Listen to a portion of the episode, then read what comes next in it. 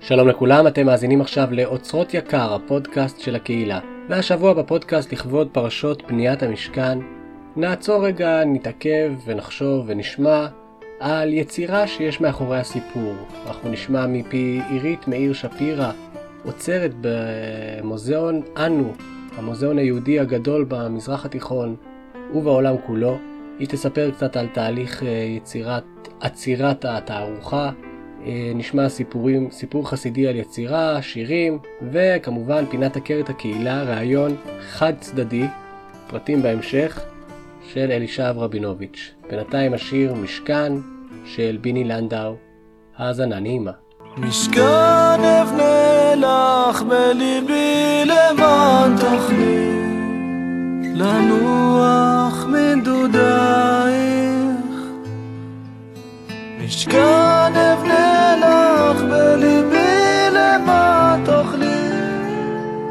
לאסוף שוב כוחותייך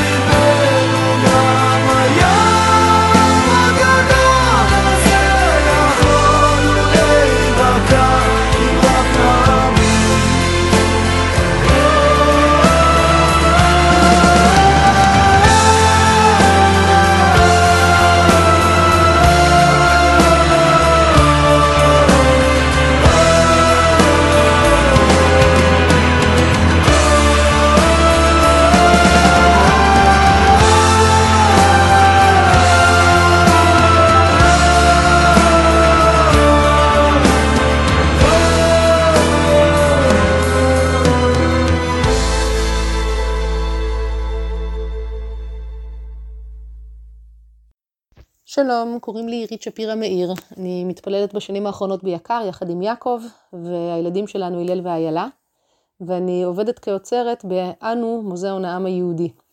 בשבוע שעבר אני שמחה לבשר שפתחנו תצוגת קבע חדשה, בעצם פתחנו מחדש את המוזיאון אחרי אה, גם אה, כמה סגרים ואחרי אה, תהליך ארוך של התחדשות.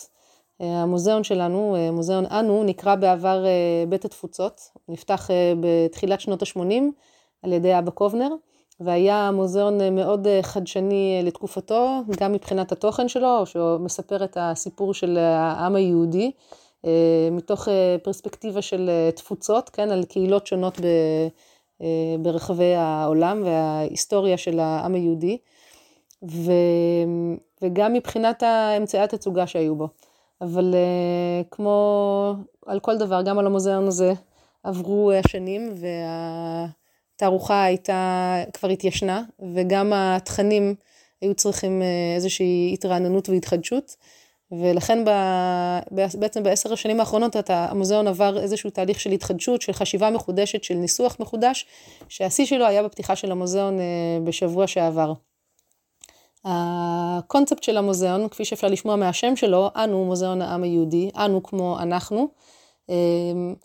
הוא מוזיאון שאמור לספר את הסיפור של העם היהודי על כל הספקטרום של מה שיכול להיכנס בתוך העם היהודי, מתוך מחשבה של כולנו חלק מהסיפור הזה, כולנו, אנו חלק מהסיפור הזה, אמ, ומתוך מחשבה שכל מבקרת וכל מבקר יוכלו למצוא את עצמם ולהתחבר אה, לאיזושהי נקודה אמ, בביקור שלהם במוזיאון ולקחת איתם משהו, חומר למחשבה או איזשהו לקח לחיים או איזשהו משהו מהביקור הזה. המוזיאון אה, בנוי בעצם משלוש קומות, שלכל קומה יש אה, נושא אחר ותמה אחרת. אה, בעצם שלוש תערוכות, כאילו שלוש תערוכות נפרדות. הקומה הראשונה, שהיא בעצם הקומה השלישית, מבחינת הסדר של הבניין, עוסקת בזהות יהודית במאה ה-20 ובתרבות היהודית במאה ה-20 והתרומה של היהודים לתרבות העולמית. הקומה השנייה היא קומה כרונולוגית, היסטורית, שנקראת קומת המסע. שעוסקת בנדודים, ביהודי הנודד ובעצם בתולדות אה, היהודים אה, מאברהם אבינו ועד ימינו, אה, כולל הקמת מדינת ישראל וכולל קהילות יהודיות שונות שנמצאות היום ברחבי העולם. והקומה הקומה הראשונה היא קומת היסודות בעצם של היהדות שעוסקת במעגל החיים, מעגל השנה, השבת, והתנ"ך וההשפעה של התנ"ך על אה, תרבות העולם. אה, המוזיאון, כמו שאמרתי, המטרה של המוזיאון היא שכל מבקרת וכל מבקר יוכלו למצוא את עצמם. זה בא לידי ביטוי בייצוג מאוד מאוד רחב של קהילות והשתייכות קהילתית של יהודים ברחבי העולם. זה בא לידי ביטוי במקום הנרחב ש... ובייצוג הנרחב שיש לנשים, שבכל זאת כידוע, נשים הם 50 אחוז אה, מהעם היהודי, לפחות 50 אחוז מהעם היהודי, אה, וזה בא לידי ביטוי גם אה, מבחינת, ברמת החפצים, כלומר מבחינת המוצגים שיש במוזיאון, אז מצד אחד יכולות להיות עבודות אומנות, עבודות שמן, עבודות אומנות מודרנית יהודית, חפצים עתיקים, כלי כסף, יודאיקה, כתבי יד, אני מקווה שיהיו לנו בעתיד, כשיפתחו הסגרים לגמרי. זה מצד אחד, כלומר אה, מוצגים שיש להם ערך אה, גם אה, תרבותי אבל גם ערך כלכלי גבוה, ומצד שני יכולים להיות חפצים מאוד מאוד פשוטים, יומיומיים ועממיים, שהערך שלהם הוא לא בגלל שהם דווקא משהו מאוד גבוה ששווה לשים אותו במוזיאון בגלל שהוא one of a kind או משהו מאוד ייחודי, אלא דווקא בגלל שמדובר בסיפור, אה, כלומר במוזיאון שמספר סיפור של עם ושל תרבות, לפעמים דווקא יש חפצים אה, מאוד פשוטים כמו נטלה, נטלת בתי קברות כזאת, מפלסטיק, עם חורים כאלה שאפשר לשים עליה שרשרת, כי זה דבר מייצג. או צנצנות דבש לראש השנה, או אפילו כלים שהם כלים יומיומיים, אבל בגלל שיש להם איזשהו, איזשהו סיפור אמ, שהוא רלוונטי למה שהמוזיאון רוצה להציג, אה, ובגלל שהמוזיאון הזה מנסה לייצג אה, לא רק את הגבוה, אלא גם את היומיומי, גם את הסיפור האישי שקשור לכל אחת ואחד, אז אה, בעצם גם האופי של המוצגים במוזיאון הזה הוא מאוד מגוון, והוא משקף את כל המנעד הזה, שמהכי גבוה עד הכי יומיומי ופשוט. ובאמת אה, חלק גדול מהמוצגים האלה הם מוצגים שאנשים אה, תורמים לנו, שהאבא רקם, הסבתא רקמה, אה, היו משתמשים בזה בבית שלנו ככה וככה. את הטליון הזה סבתא שלי הייתה עונדת בשביל לסמן שהיא, להסתיר את הזהות היהודית שלה בזמן של, שהיו צריכים להיות אנוסים. ואם אני אקשר פה למה שבצלאל רמז לי, כשהוא ביקש ממני לדבר, אז כמו ש... במשכן כל אחד היה תורם מנדבת ליבו כדי להשתתף ולהיות חלק, אז אה, במובן מסוים גם אה, במוזיאון אצלנו, אה, כל אחד, כל אחד ואחד, אחד ואחת, לא מבטיחה שנקבל הכל, אבל בעצם יש מקום לאפשרות הזאת לתרום משהו אישי משלך ויש לו משמעות כדי לספר את הסיפור הכללי של העם היהודי. חוץ מזה, מלבד המוצגים, אה, יש לנו גם אה, סרטים, אה, עשרות סרטים שהופקו במיוחד בשביל המוזיאון, סרטים יצירתיים, חלק אנימציה, חלק משחק, יפים, מושקעים, מצחיקים. יש אינטראקטיבים מגניבים גם למבוגרים וגם לילדים. בקיצור, מוזיאון יפה, חדשני, גם בצורה שלו וגם בתוכן שלו. אין עוד מוזיאון כזה בארץ. וגם לא בעולם, שהוא מוזיאון שמעורר למחשבה, ובואו אה, ותחזו בפלא במו עיניכם. ואם אתם נמצאים במוזיאון, אל תשכחו לבוא להגיד שלום.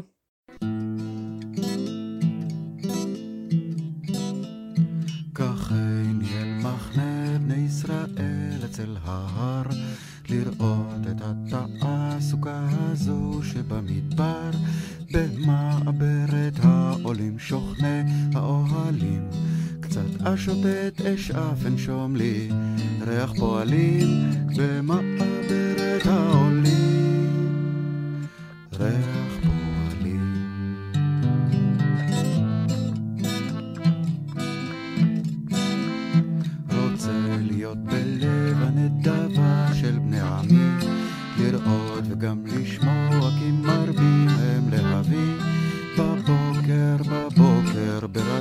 הכי חופשי.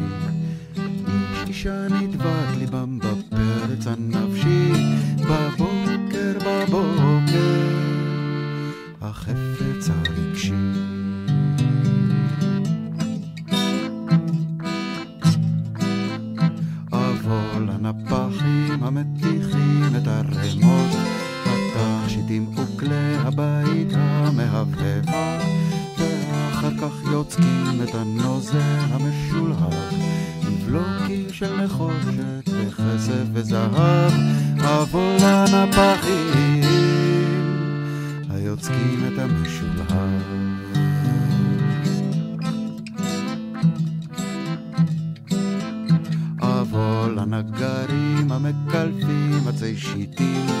קירות, משכן, לוחות, מזבח והרהיטים. נברך דבק ונסורת ספיך וטרפנטין. חולמים לתפוס מקום טוב באמצע פלורנטין. הרי את הנגרים המקלפים עצי שיטים.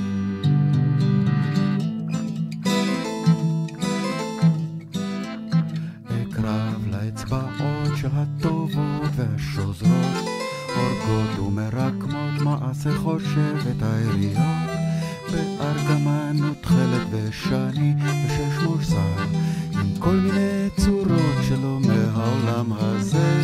כן מעשה חושב בעולם הזה.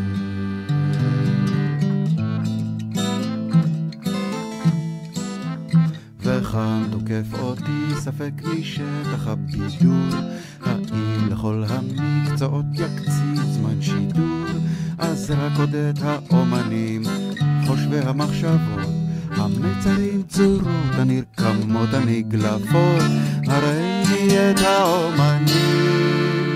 המצרים את המחשבות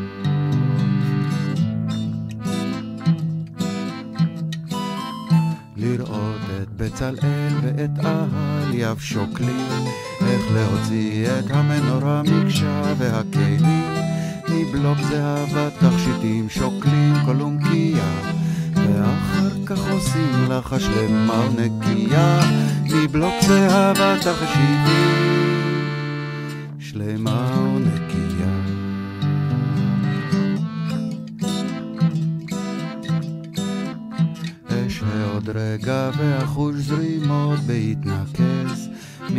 המלאכות האהבה בהתרכז מכל העברים, כל הדברים בהתחבר אני גואה דוהר רואה לי מחנה זוהר כל מרכז המעברה.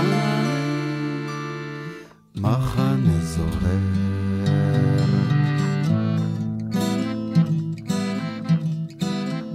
ושוב אני בתור לקבלת דמי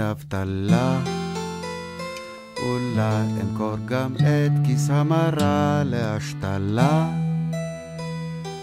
אולי לא אשלם קנסות אשב במאסר. קחני אל מחנה בני ישראל אצל ההר. לראות את התעסוקה.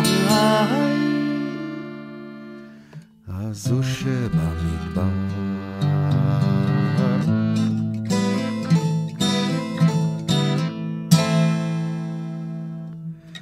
הרפתנים, הדירניקים והשוחטים, הבורסקאים, הרצענים והחייטים, היינאים והרוקחים, הטוחנים והאופים והתכשיטנים המצטרפים אל הצורפים, המשוררים, הזמרים, הפורטים והנושפים.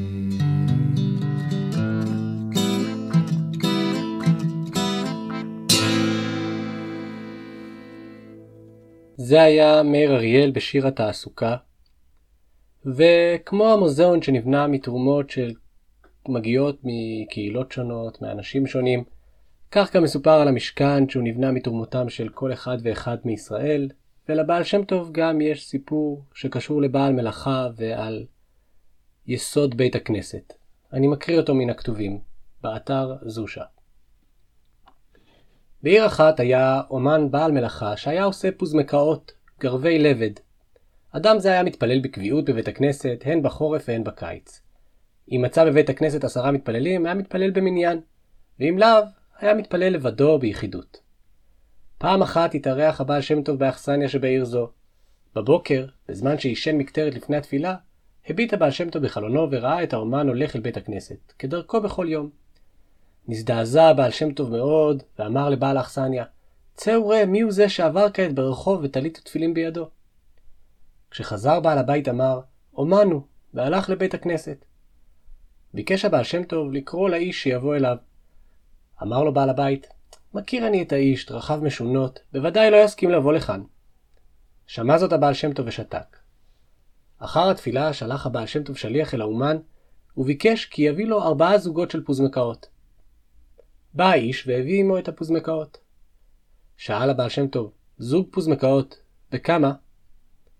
כל זוג בזהוב וחצי, אמר האומן. ואם אבקש כי תמכור לי בזהוב אחד, האם תסכים לכך? שאל הבעל שם טוב. לא ענה האומן דבר. ביקש הבעל שם טוב מאדם אחר שהיה שם, שיתמקח עם האומן על המחיר שהציע הבעל שם טוב. שאל אותו אדם את האומן, שמא תמכור בפחות מזהוב וחצי? אילו רציתי למכור בפחות, הייתי אומר זאת בפעם הראשונה, אמר האומן. שילם הבעל שם טוב את הסכום שנתבקש וקנה ארבעה זוגות של גרבי לבד. אחר כך שאל את האומן, ספר לי, מה מעשיך? אני מתפרנס מאומנותי, אמר האיש. וכיצד? שאל הבעל שם טוב. בכל פעם אני מכין 40 או 50 זוגות לפחות, ואני מניח אותם בגיגית גדולה שיש לי ימי חומץ, שם אני דורך את הלבד עד שהגרביים נעשים כתיקונם. וכיצד אתה מוכרם? איני יוצא מפתח ביתי, השיב האומן. החנוונים באים אל ביתי וקונים ממני את המוכן, ומוכרים לי את הצמר שממנו אני מכין את הפוזמקאות. רק לכבודך יצאתי במיוחד מביתי ובאתי לכאן, שהרי יוצא אני מביתי רק אל בית הכנסת. אם מצאתי בו מניין אני מתפלל עמם בציבור, ואם לא, אני מתפלל ביחידות. ואם צריך אתה להשיא את בניך, שאל הבעל שם טוב, מניין תיקח כסף לשם כך? השם יתברך עוזר לי באמנותי ומוסיף לי עד שאני יכול להשיא את בניי. וכשאתה קם באשמורת הבוקר, מה מעשיך? המשיך הבעל שם טוב ושאל. פוזמקאות ענה האומן. ותהילים מתי תאמר? מה שאני יכול לומר בעל פה אני אומר, ענה האיש. אחר כך אמר הבעל שם טוב, כי איש זה הוא יסוד בית הכנסת עד ביאת המשיח. כמה גדול הוא אדם הנהנה מיגיע כפיו כראוי.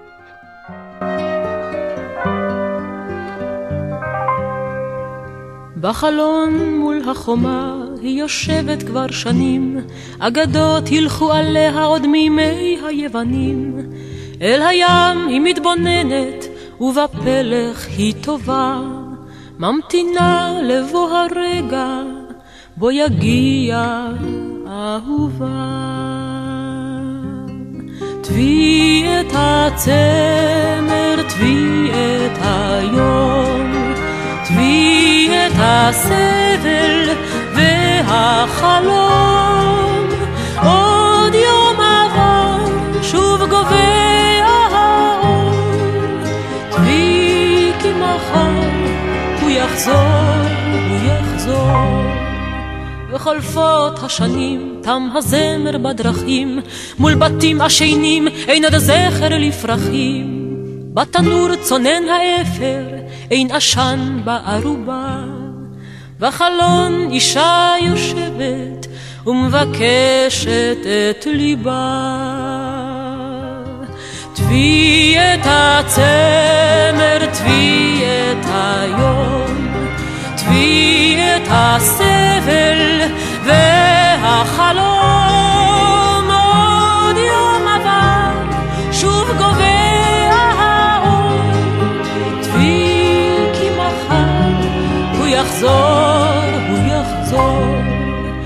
מלחמות של אש וחרב וצבען שחור אדום. היא טובה בשתי וערב ממתינה לבוא היום.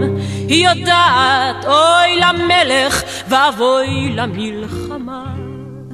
כל עוד יש אישה עם פלך הצופה אל החומה. תבי את הצמר תבי את היום. את הסבל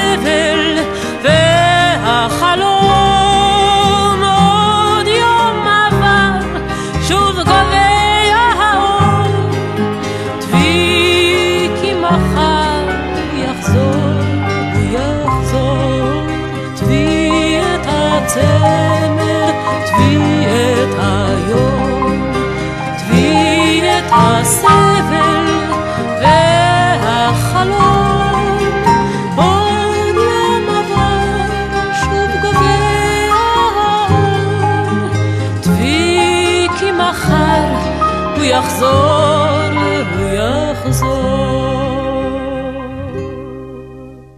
זאת הייתה חווה אלברשטיין בשיר "תבי את הצמר", המתקשר לפרשה המספרת בין השאר על כל הנשים אשר נשא ליבן אותנה בחוכמה, טוו את העיזים. והשיר, כמו הסיפור, מספרים על בעלי מלאכה שהאורח חיים שלהם, או הרגש שלהם, עובר אל תוך היצירה.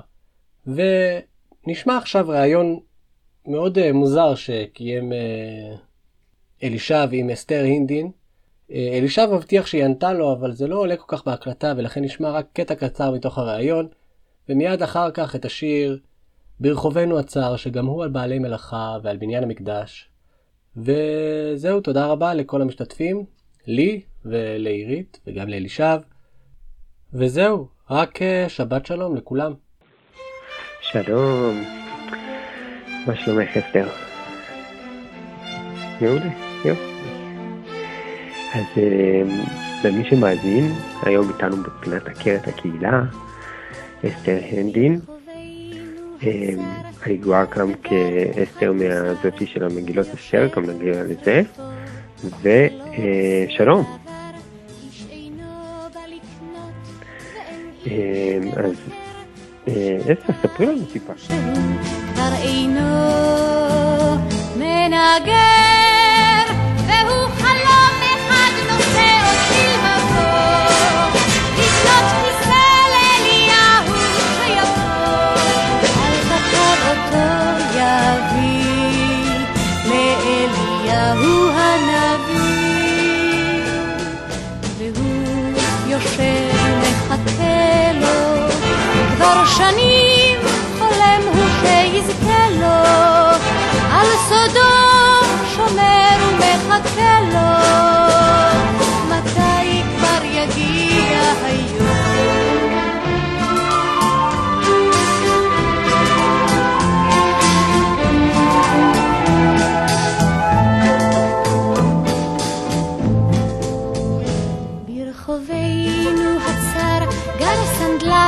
אדם זר, הוא יושב בצריפו, ולא עושה דבר. מדפיו הריקים מכוסים באבק, כבר שנתיים מונח המרצה הבשק, והוא חולם כי נעליים הוא סופר, כאן על הרים ינבו רגלי המבשר, אל תקב אותנו לאליהו הנביא, והוא יושב ומחכה לו. כבר שנים חולם הוא שיזכה לו, על סודו